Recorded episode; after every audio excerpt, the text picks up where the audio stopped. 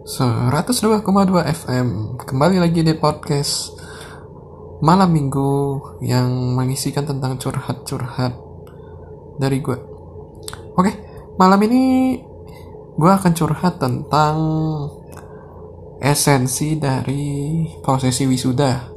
Nah, kalau lu pada tahu Biasanya Kita anak-anak mahasiswa ataupun yang sudah menyelesaikan tingkat sarjana, master, maupun, maupun profesi, biasanya wisuda itu merupakan momen-momen yang paling tepat ditunggu-tunggu oleh semua orang kalangan mahasiswa maupun para orang tuanya yang mendampinginya.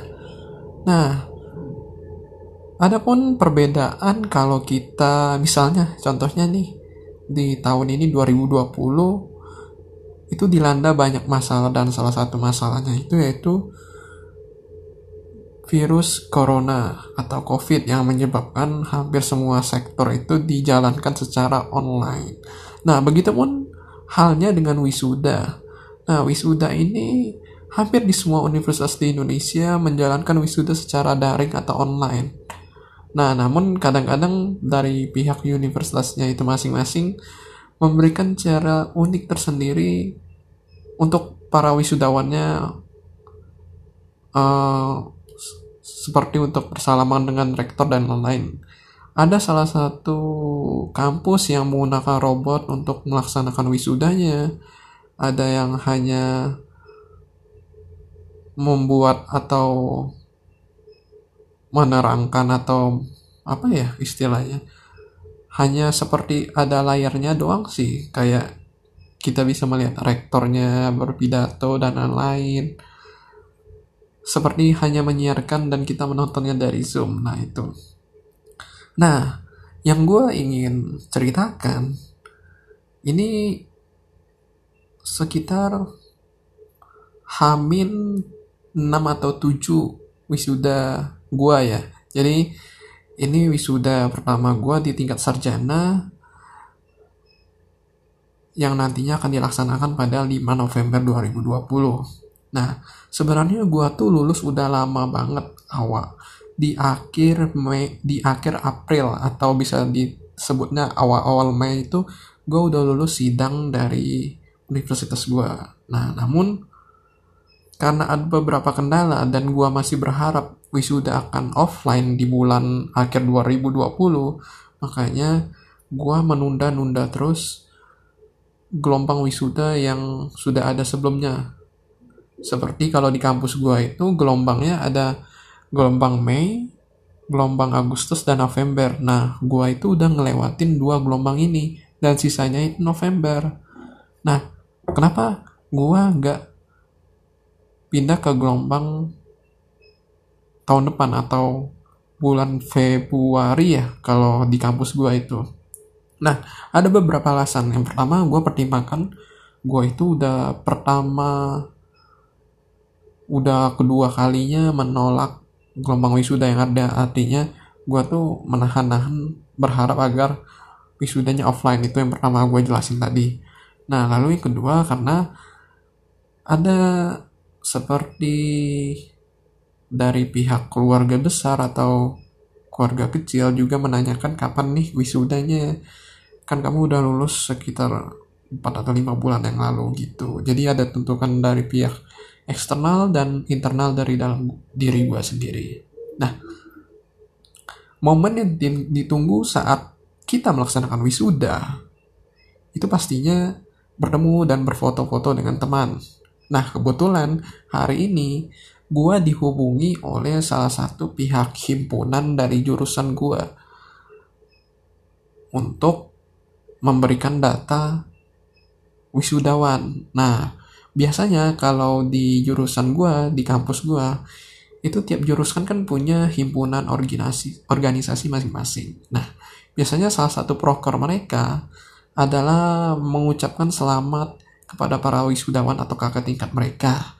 Nah jika dilakukan offline contohnya mereka akan berorak-orak ataupun biasanya kalau fakultas teknik gitu membawa mobil lalu mereka sambil orasi teriak-teriak nah itu kan seru kan namun pada saat gue dihubungi ternyata mereka hanya meminta data dan akan memberikan merchandise dari himpunan. Nah, gue sih awalnya mikir mungkin hanya ucapan selamat di postingan IG atau laporan broker. Nah, tapi ternyata mereka menyediakan merchandise dalam bentuk piala atau piagam ya. Gue lupa tadi, gue dicat. Kalau nggak salah merchandise-nya ya piala atau piagam gitu yang berisi ucapan selamat. Nah, ya at least dari jurusan itu gue merasa dari himpunan organisasi jurusan gue udah memberikan yang terbaik lah untuk para wisudawan di tahun 2020 di masa-masa corona ini gitu. Nah, lalu mereka ternyata ini gua baru tahu ternyata yang wisuda di angkatan gua dan di jurusan gua itu cuma gua satu orang. Lah lu bayangin lah gimana gimana sih rasanya wisuda seorang diri walaupun dari jurusan lain ada. Jurusan gua sendiri itu wisudawannya cuma gua seorang di bulan November nanti nah itu pun kejadian kejadiannya sama-sama kayak teman gua ya bernama Rafid. Nah, jadi si Rafid ini wisudanya sekitar bulan berarti kalau sebelum gua November, Agustus. Nah, si Rafid ini juga wisudanya seorang diri gitu. Dan gua nggak tahu ya apa yang dirasakan Rafid mungkin nanti akan same same as I feel when graduation. And it looks like sepertinya terlalu hambar ya untuk wisuda. Di mana lu hanya memakai toga atau jas dan melihat layar zoom rektor membacakan ucapan selamat dan nama-nama kalian terpampang di zoom dan um, gua rasa itu nggak dapat feelnya gitu oke okay. dan inilah yang kita alami di masa-masa ini di mana kadang ada sisi positif dan sisi negatifnya nah lalu kalau kita berbicara tentang orang tua nah kadang-kadang tuh ada orang tua yang ingin anaknya pasti uh, pulanglah ke tempatnya atau mungkin mereka ada yang datang ke sini ke tempat kita ke kosan kita dan menemani kita wisuda online. Tapi menurut gue orang tua gue cukup fleksibel sih. Jadi mereka nggak terlalu memaksakan kehendak gitu. Nah itu gue senangnya. Gitu. Jadi ya karena dari gue pun juga merasa ini kayak biasa-biasa aja. Ya jadi at least oke okay lah. Lagian kalau gue balik ke Sumatera kan pasti akan mengeluarkan biaya yang banyak. Walaupun gue tahu tiket itu murah loh. Dua hari yang lalu gue cek uh, salah satu tiket untuk memesan tiket. Dan masukkan tanggal sekitar dua hari setelah dua hari H plus dua lah sebelum dari hari gue memesan tiket. Dan harganya kalian harus tahu itu harganya cuma 350 padahal kalau dari tempat gue dari Jakarta eh dari Bandara Jakarta Soekarno-Hatta ke tempat gua di Sumatera itu biasanya 600 ribu itu pun pesawatnya Lion Air. Nah ini tiba-tiba 350 nah kalian bisa bayangkan gak sih gimana apa kayaknya kita disubsidi oleh pemerintah deh penerbangan walaupun yang mau terbang itu cukup sedikit menurut gua. Mungkin dengan cara itulah maskapai menarik konsumen walaupun mungkin maskapai itu banyak yang rugi ya. Sekarang kita tahu bahwa Amerika Airlines saja yang segede itu bisa rugi. Apalagi yang di Indonesia. Nah, balik lagi ke sana, tiket udah gua cek harganya murah dua hari yang lalu. Terus gua tanyakan ke orang tua gua, uh, karena mereka yang tadi gue jelaskan mereka fine fine aja akhirnya gue memutuskan untuk wisuda di kontrakan aja toh nantinya sebenarnya sih kalau gue sih wisuda lebih seneng foto sama teman-teman sih gitu. Karena kan mungkin gue rasa orang tua gue udah pernah wisuda juga sebelumnya. Orang tua gue kan sarjana dua-dua. Jadi at least mereka udah udah tau lah wisuda itu kayak gimana dan sekarang kan online juga gitu. Nah jadi itu gambarnya tentang wisuda online dan apa saja sih sulit dan sedihnya. Nah berbicara tentang teman. Tadi kan udah dari himpunan ucapan selamat. Nah tadi tuh gue baru menghubungi sekitar jam 10 malam ya. Gue menghubungi teman-teman terdekat gue ya bisa dibilang satu geng nggak juga sih kita jarang ngumpul. Udah jarang ngumpul sih sebenarnya tapi gue rasa apa yang gue rasakan gue selama ini gue merasa dekat dengan mereka-mereka gitu jadi nggak semuanya gue chat mereka gue hubungi mereka ada satu dua orang tiga orang lah gue hubungi nah jadi yang gue bicarakan adalah kita akan foto bersama via Zoom sebelum wisuda itu dimulai. Nah, kenapa kita menentukan jadwalnya sebelum wisuda dimulai? Karena perkiraan kita kalau sudah tutup ditutup wisuda itu apa? Pasti ada mungkin salah satu teman kita yang merasa nggak mood atau gimana gitu. Nah mungkin karena itu dia bisa menjadi mager foto-foto. Dan ada yang lucunya mereka bilang takutnya make upnya udah udah pudar ya. Udah, udah berantakan. Aduh oh ya teman-teman maaf ya kalau ada gangguan di podcastnya karena di sebelah kontrakan gua ah, orangnya seru banget suka main Mobile Legend tiap hari dan mereka riang selalu riang selalu jadi gue senang ada mereka jadi gue nggak kesepian di kontrakan gitu. Walaupun kadang suaranya terdengar ya. Nah kita balik lagi ke topik tadi. Gue menghubungi teman-teman di geng gue dan respon mereka cukup positif sih. Walaupun ini nih gue pengen cerita. Walaupun ada salah satu orang yang ngeresponnya kayak standar kayak template doang sih. Jadi gue tuh ada ada chat dua orang cowok dua orang cewek. Ya ini ini nih yang kayak gue at least gue anggap paling deket lah. Nah kalau yang cowok kan biasalah kita ngechat kan jarang dibalas itu mah biasa sama cowok mah magaran gue udah tau lah gue sesama cowok gitu.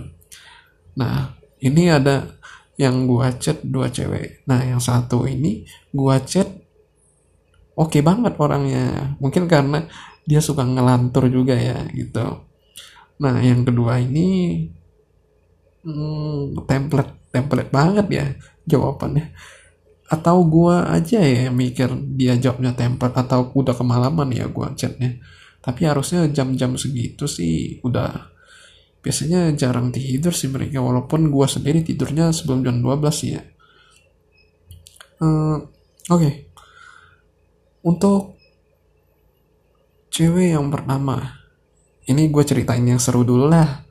Jadi namanya adalah panggilannya si Jess gitu jadi si Jess ini anaknya ya memang kelihatan sih dari anaknya si periang memang agak kadang-kadang tuh agak agak agak apa otaknya kalau kita bilang agak responnya lama mungkin karena itu dia agak kocak sih orangnya. Kayak mikirnya agak lama kadang-kadang kalau konslet otaknya. Ya yeah, gitu hmm, jadi gue seneng banget sih kalau nge ngechat sama dia. Dan teman-teman gue juga teman-teman gue yang cowok gue tanya mereka juga senang chat ke teman gue yang cewek ini. Karena orangnya itu ya fast respon dan oke okay lah kalau diajak ngechat. Kalau dia diajak bercanda itu juga oke okay. gitu. Jadi tadi sampai gue ngechat dia sampai satu jam ya terus sampai sampai dia yang mutusin apa mengakhiri chatnya karena mau mandi. Gua lupa udah udah sampai sejam aja tuh chat padahal terasa cepat jadi intinya kita tadi gua pertama membicarakan ke dia. Biasalah kan pertama pertama pasti gua akan melalui tahap basa-basi. Nah mungkin ini yang gue ingin ceritakan. Jadi gue kalau mau ngechat cowok sama cewek itu berbeda di mana kalau lu bakal ngechat cowok pasti uh, ketikan chatnya kayak woi angkat dong apa chat gue atau voice call gue gitu. Gitu kan kalau ke cowok kita spontan aja. Nah kalau ke cewek gue rasa itu harus ada bridging di pace awalnya. Nah itu yang gue coba terapkan Maksudnya gue coba terapkan secara umum ketika mengontak lawan jenis gitu. Nah apa yang gue lakukan di pertama kali? Pertama gue pasti ngechatnya. Kalau gue sama dia kan ngechat Hey uh, Apa kabar? Gitu. Atau enggak tadi dia jawab chat gue eh lo masih hidup juga? Kan itu kan kocak kan. Biasanya biasanya kan kayak cowok doang kan biasanya ngechat gitu. Tapi ini menurut gue kocak sih. Tapi emang kita sering ngobrol nggak jelas sih walaupun gue nggak deket jarang juga ngobrol sama dia. At least ketika gue chat dia dia mengatakan begitu masih hidup wah itu mah seru. Itu justru chat yang seru. Itu justru chat yang disukai cowok gitu. Itu menurut pendapat gue sih. Nah mulailah dari past bridging.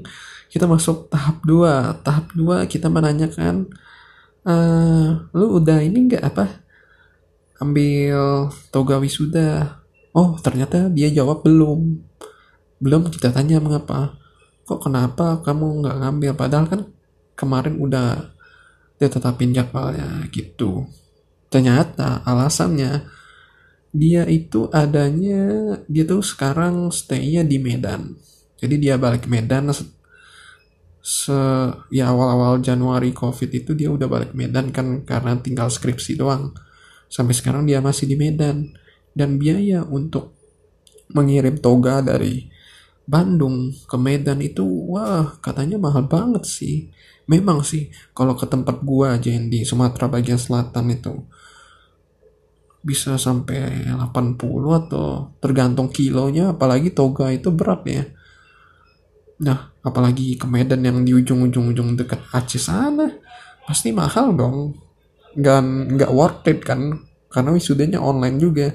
Jadi dia memutuskan untuk memakai kebaya aja untuk prosesi wisuda menurut gue sih itu sah-sah aja sih. Gue sih pengen juga kayak pakai jas doang kan untuk cowok kan. Tapi karena gue kebetulan kemarin balik ke Bandung kita ngambil toga di Bandung ya at least gue mempergunakan toga itu untuk ya foto-foto lah untuk teman-teman yang ada di kosan atau uh, yang gue kenal yang masih ada di Bandung gitu.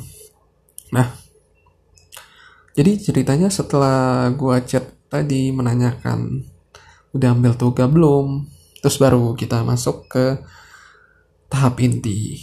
Nah, tahap intinya gua menanyakan untuk eh kita foto dong. Maksudnya kita itu ada banyak ya satu geng ya bukan sama dia gitu. Eh foto dong kita berempat atau berlima gitu nanti sebelum wisuda mulai. Nah, dari situ kita ngobrol-ngobrol-ngobrol udah kan itu tujuannya udah oke okay. dia oke okay. terus maksud barulah ini tahap kocak apa tahap nggak jelas sih jadi ini kayak lu bisa curhat di sini lu bisa uh, ngomong nggak jelas itu udah di tahap-tahap akhir sih sebelum penutupan gitu jadi setelah main menu main desire your desire accomplished you can talk about anything you want as long as she she enjoy and accept your chat. Nah, mulailah dari situ kita ngomong aneh-aneh. Maksudnya ngomong aneh-aneh itu kayak ngelantur kayak goblok. Kita nyeritain nyeritain tentang film Netflix kah uh, tentang kosan yang nggak dibayar eh kos perpanjang kosan walaupun dia nggak ada di sana dan lain-lain anything lah. Pokoknya intinya seru lah sama dia gitu. Sampai menanyakan penamping wisuda. Soalnya gue agak-agak itu sih apa agak-agak agak-agak bohong sih sama dia sebenarnya untuk penamping wisuda ya ya walaupun kita basicnya mungkin jomblo tapi kan dia sebenarnya nggak tahu kan kalau gue udah ada udah ada itu loh gitu. Dan gue nggak tahu juga sih apakah dia udah ada itu atau juga udah ada pasangan atau enggak juga. Tapi kan karena kita teman sih kita masa bodoh juga sih sebenarnya untuk kita itu lebih cari ke yang apa? Yang topik happy-nya aja sih bisa dibilang gitu. Jadi kita nggak mau pas malakan itu paling canda-canda doang kapan lo itu penamping wisuda nikah gitu. Gitulah campur-campur. Terus kita membahas apa ya hmm, toga eh toga udah uh, penamping wisuda udah. Oh iya paket udah. Netflix udah. Oh iya terus dia curhat tentang apa adik tingkat dia yang kesusahan saat mengikuti lomba atau kegiatan di kampus. Ya gue jawab aja. Sebenarnya gue udah nggak tahu sih. Nah sebelum gue jawab itu ternyata adik tingkat dari dia ini ah, itu kolaborasi dengan adik tingkat dari gue yang dari IT gue nggak tahu juga sih. Pokoknya anak jurusan gue lah di bawah di bawah dua tahun di bawah gue gitu. Gue nggak kenal banget sih. Soalnya soalnya gue itu jarang banget kenal adik kelas. Uh, adik kelas pun gue hanya kenal satu atau beberapa orang yang mungkin kalau pas ospek mereka perkenalan gitu juga gue oke oke aja sih. Semuanya gue nggak mempermasalahkan tapi gue kurang kenal si orangnya. Nah dia curhat tentang adik kelasnya ini kesusahan saat berkolaborasi dengan ada anak yang di bawah jurusan gue karena orangnya itu ternyata malas-malasan gitu. Nah sebelumnya teman si adik tingkat dari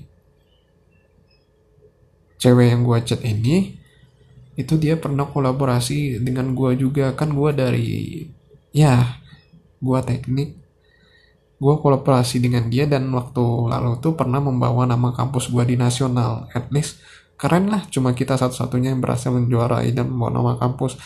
Nah karena itu dia ikut lagi tahun ini. Dan kebetulan mungkin ya amit-amit gue nggak mau bilang orang itu malas atau apa mungkin agak kurang passion ya dia. Salah miri orang dalam ikut lomba. Dan itu udah gue kasih saran juga sih sebelumnya. Gitu. Tapi apa boleh buat lah. Gue bilang ke teman gue ini bukan bukan adik tingkatnya ya. Kalau ke adik tingkatnya sih gue kenal juga sering ngechat. Gue bilang ke teman gue ini yang gue chat tadi gue tuh udah nggak mau berurusan lagi dengan pihak kampus ataupun kegiatan-kegiatan lain. Kenapa?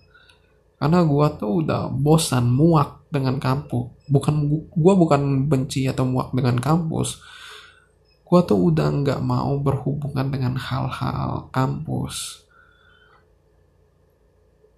At least kayak lomba-lomba gitu ngisi-ngisi materi untuk motivasi kegiatan, kegiatan prestasi kayak gitu. Gue udah nggak mau.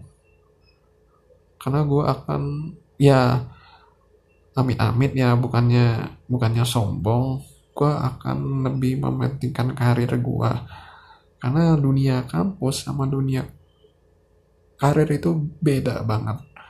Walaupun lu berprestasi di kampus belum tentu lu sukses di kehidupan. Nah itulah yang gue struggle saat ini gitu di masa-masa corona itu. Makanya itu salah satu alasan gitu karena gue kurang update terhadap informasi-informasi tadi gitu. Tapi ya gue tetap doakan semoga si adik tingkat dari teman gue ini bisa berkembang lah berkolaborasi dengan yang lain-lain gitu. Kan kegiatan nggak hanya satu kompetisi atau yang lainnya. Nah itu untuk chat tentang adik tingkatnya gitu. Oke. Okay gua rasa sih sampai itu sampai tahap itu sih gua ngechat dia. Sebelum gua tutup tahap akhir ya gua tutup. Dengan ya dia dulu sih sebenarnya menutup apa chat kita dengan kosa kata gini kalimat gini gua mau mandi dulu ya baru pulang dari luar kota gitu. Ya gua tahu sih apa mungkin gua kelamaan ngechat juga. Tapi kan kalau kita ngechat seru tuh kayak ya gimana ya rasanya? Ya gitulah seru lah kalau ngechat orang. Mau cowok mau cewek mah sama aja kalau chatnya seru nyambung gitu. Nah itu itulah yang gue harapkan dari chat secara virtual atau biasanya kan kalau kita nongkrong secara offline nongkrong di mana kayak sambil makan-makan ya at least itulah lah yang gue harapkan dari ketika kita berkomunikasi secara virtual dengan teman yang nyambung. Oke, okay. kita lanjut ke oke okay. ke cewek yang kedua. Uh, ya, gue nggak nggak mau sebutin inisialnya lah. Takut gue anjir. Itu orangnya kadang-kadang agak serius sih gitu. Ya, jadi gue ceritakan dulu si cewek yang kedua ini satu fakultas sama gue walaupun jurusannya teknik ya gue gue teknik dia science gitu nah si cewek ini memang kelihatannya sejak pertama masuk kuliah orangnya rajin. Uh, mungkin agak mungkin kalau dibilang teliti ya teliti. Kalau disiplin sih gue nggak tahu sih. Kalau kita beda jurusan rajin itu dan gue nggak tahu sih sebenarnya gue nggak sorry ya gue nggak mau ngejudge lo kalau lo denger podcast ini gimana ya? Mungkin karena gue kurang dekat sama lo ya. Kok lu kalau ngomong itu template banget sih? Gitu. Jadi gue agak was-was ketika chatting sama kamu gitu. Bukannya gue su suuzon atau gimana berprasangka negatif ya tapi yang gue rasakan ketika mencet temen gue yang Jess sama lu ini berbeda feelnya. Kayak kalau Jess ini mungkin agak langsung nyambung walaupun kadang di awal nggak nyambung itu bisa nanti nyambung di awal dan akhirnya. Nah kalau lu itu gue masih uh, bertanya-tanya, gue akan mencet apa, mencet apa, apa menyebut kata-kata apa ya, gitu. Tapi gue sebenarnya nggak mau ngejudge lu karena lu tuh temen gue juga, gitu. Ya sorry not to say, ya kan uh, soalnya gue was-was karena dulu tuh gue pernah suka sama lu. Waktu pertama kali masuk kuliah karena lu tuh mirip sama teman gue yang di SMA gitu. Jadi makanya gue tuh takut salah ngomong apa. Tadi aja ada yang gue unsend chatnya. Itu gue merasa bodoh banget. Ya Allah ya Allah.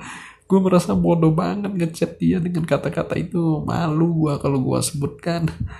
Kayak gue tuh udah overthinking duluan lah sebelum ngechat dia. Bukan karena apa-apa karena takut salah chat. Gue tuh takut kalau ngechat sama orang yang serius banget walaupun kata teman-teman gue kalau gua dalam kerja atau proyek gua tuh paling serius. Gua emang serius kalau di gua gua juga emang serius kalau kerja di melakukan pekerjaan atau proyek. Tapi kalau untuk ngobrol sama teman itu sifat asli gua keluar. Sifat asli gua tuh sebenarnya lucu garing gitu ini karena sifat gua itu yang mungkin agak agak lembek ya. Gue merasa agak agak lembek ya gitu. Mungkin sih agak agak lembek gitu. Mungkin dia didikannya keras di lingkungan sama keluarganya. Gue nggak mau ngejat sekali lagi. Mungkin ya. Jadi gue tuh kalau ngechat sama orang yang templatenya kaku. Eh kayaknya aku gue agak mager. Mungkin dia sih juga mager ngechat sama gue terkadang gue juga ngechat orang sama kalau yang gue jarang deket gue agak kaku gitu. Tapi sekaku kakunya gue ngobrol atau ngechat gue pasti menyisipkan jokes gak jelas atau berpura-pura bego sih depan orang itu sih yang gue pelajari.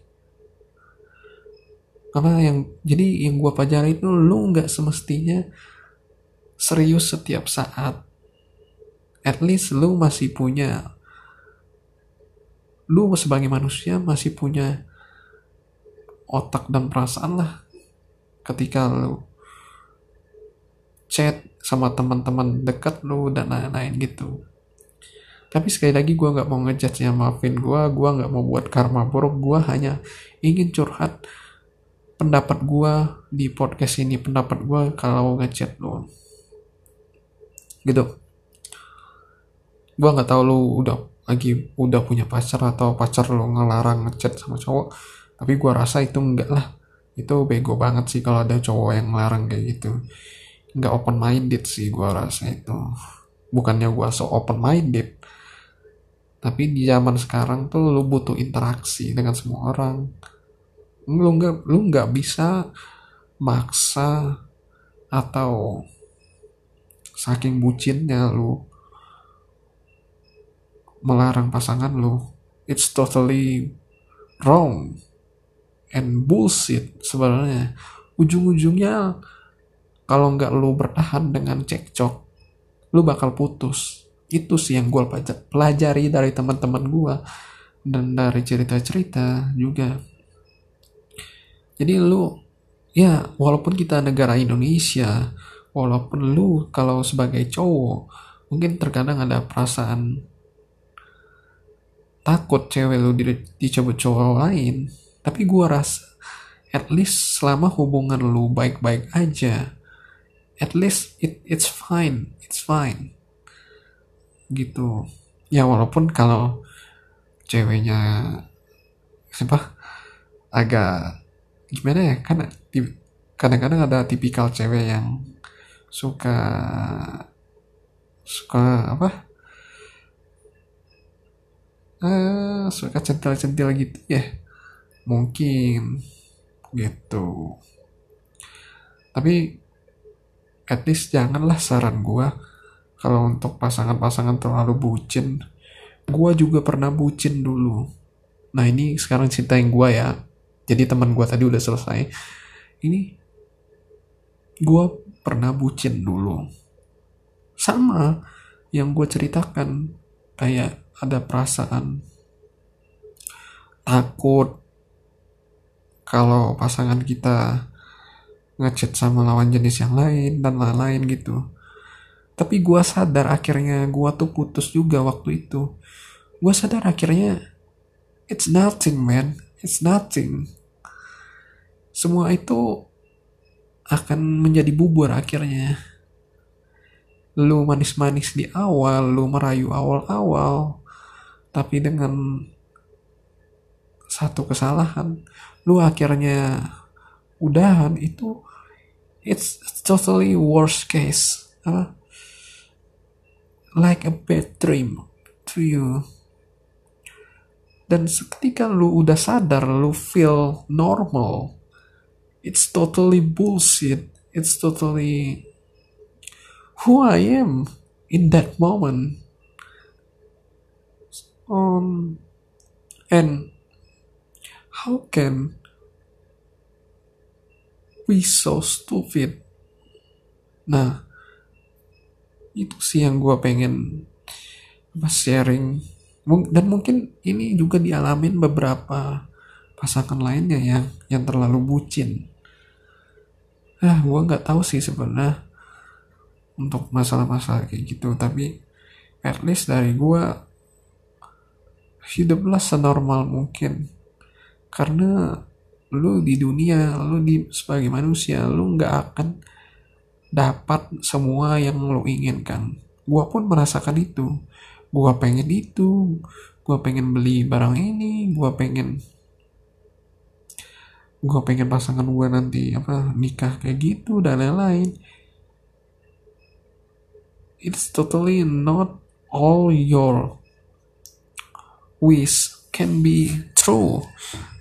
Ya lu mungkin bisa apa mewujudkan mimpi-mimpi lu ketika lu sudah sukses. Uh, mungkin ketika lu sudah punya uang dan lain-lain mungkin lu bisa wujudkan. Tetapi gua rasa nggak semua dari keinginan lu bakal tercapai oke? Okay? jadi usahakanlah hidup sesuai pergerakan alam.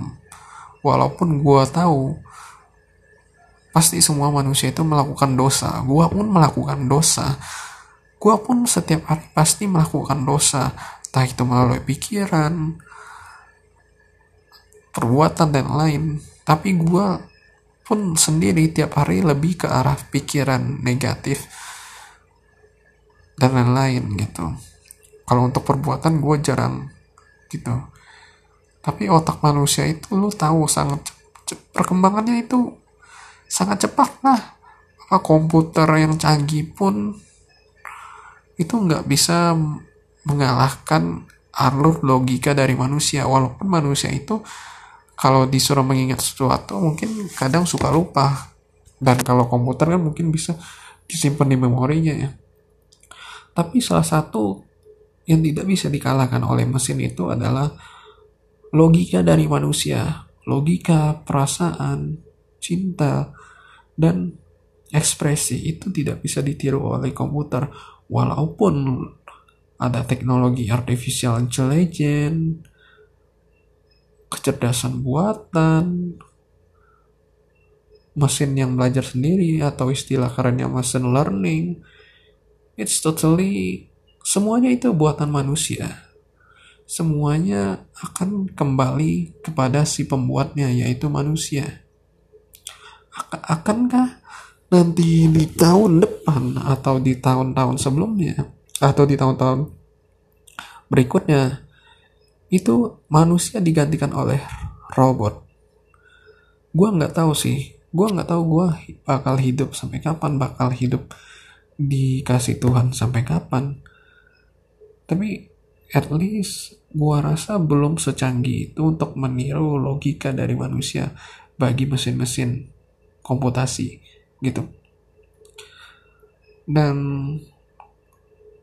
feeling, emotion, expression itu sangat susah ditiru oleh mesin. Walaupun kalau lu nonton film-film Hollywood lu terkadang wah ini canggih banget bro. Nanti lu bakal digantikan robot.